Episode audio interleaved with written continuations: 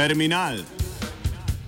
Vedno različni, nikoli isti, reš kolumnisti, isti, isti, isti, isti, isti, isti. Pred časom sem naletel na razpravo, ki si je zadala nalogo uveljaviti tezo o karizmatičnosti teorije.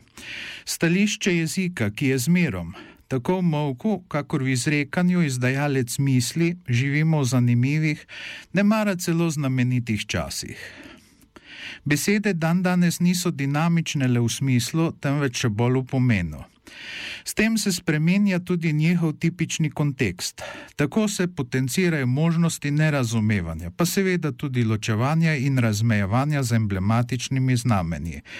Možnost nerazumevanja ni nujno hotena, zato pa sta ločevanje in razmejevanje gotovo globoko intencionalni početji.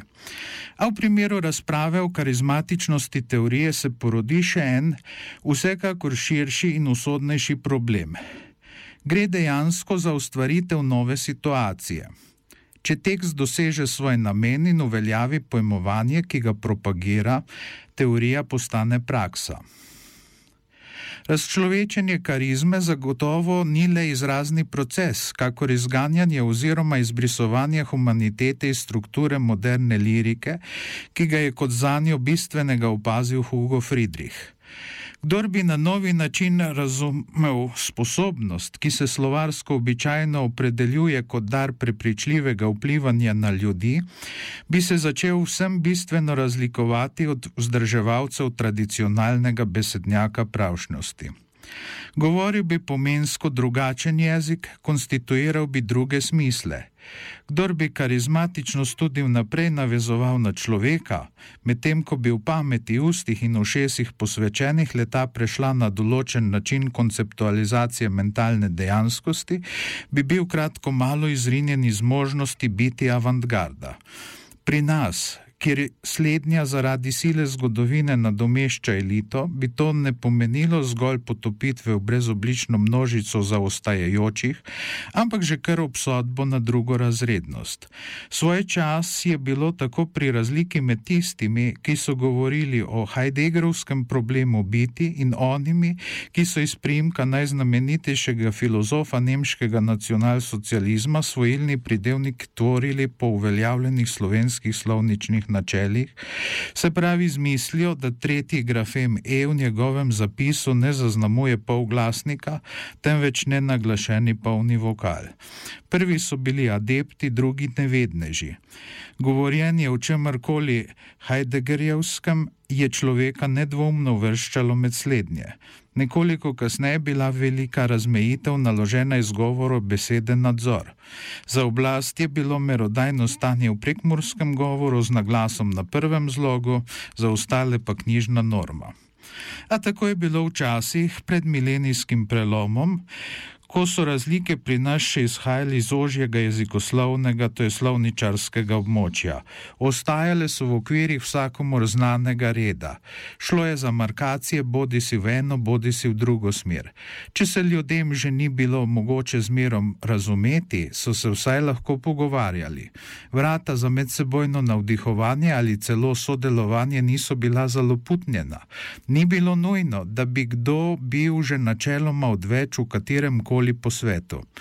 Na vse zadnje Josip Stritar Frana Levstika zaradi samosilniškega slovničarjanja v Dunajskih sonetih že leta 1872 označil za despota slovenskega jezika in s tem začel načel njegovo avtoriteto. Komunikacija je tako tedaj kot pozneje spravljala v negotovo slehrni pridobljeni položaj. In bolj ko je ta bil oziroma je zgolj nasledek spleta personalnih okoliščin, bolj je bil in je z njo ogrožen. Zdaj naj bi se ločevali, razmejevali in razvrščali po semantiki, s tem pa se začenja diferencijacija, ki onemogoča razumevanje. Zanj se terja sledenje narekovalcem pomena, kar vodi k vzpostavljanju monološke strukture. Jezikovna despotija, kakršno je zganjal Levstik, s tem postaja otroška igrača, nebogljena pošast iz predledenodobne ere. Ukinja se namreč možnost kakršnega koli dialoško-poliloškega stritarja.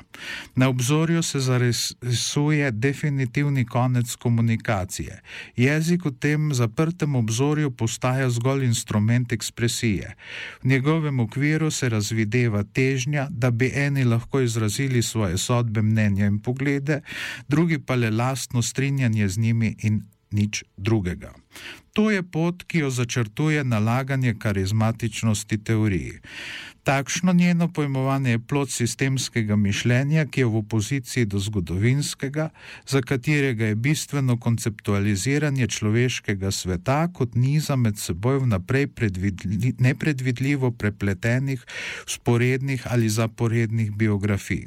Karizma, ki bi jo dajal določen pristop k obravnavi česar koli, bi se tako hočeš nočeš razlila tudi na ljudi brez kakršne koli osebnostne moči ali sposobnosti vplivanja. In le še povsem nerazložljiva, docela kronološka zgodovina bi registrirala, da jo je, denimo, njega dni imel dušan Pirjevec Ahac, medtem ko je bil njegov partizanski soborec Roman Albrecht Drejče brez nje.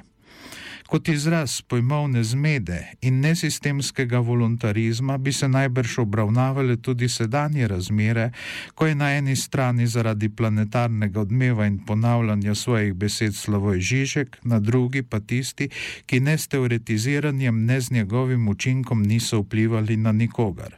Slednji niti vseobsežno sistemskost, niti v njej alternativno improvizacijo zgodovinskosti ne vlagajo svojega stiha, če nam je dovoljeno za hip evocirati miselni in besedni slovar, katerega koordinate je zarisal Aleksandr Ivanovič Hercen. Potem takem je moč v problemu, ki nam ga je zastavila razprava, katere naslova pravzaprav ni treba niti omenjati, reči.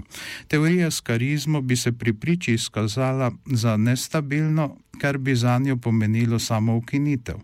Ne bi bila ne ob praksi, kot je pričakoval Leibniz, ne povezano z njo, kakor je od njene revolucionarne pojavne oblike terjal Josif Isarjonovič Stalin, temveč bi hipoma prenehala biti, kar je, ne bi bila niti protejska forma, niti simptomski izraz česar koli postala bi oznaka prakse. Prepomenjena pa ne bi bila le karizma, temveč tudi vse, na kar naj bi se nanašala. Teorija bi postala prazna besedna lopina, izraz brez adekvatnega pojava. Jezikovna inflacija, ki je usodnejša od denarne, bi dobila nov pospešek, celo tolikšen, da bi čez čas v njej niti Mefisto, duh, ki vse zanika, ne mogel reči nič več. In kaj bi potem s sjajnima Getejevima verzoma Grau, Treuer Freund, istale teorije und grün des Lebens, Goldner Baum, prijatelj, dragi, siva slehrna je teorija, a v zelenju zlato je drevo življenja. Tem bi bila celo umetnost ne samo za ston, temveč tudi za manj. To pa bi bila situacija, ki je ni, ki je zgolj ime, ime rože brez šifre, sfinga brez uganke. Terminal je pripravil Igor Grdina.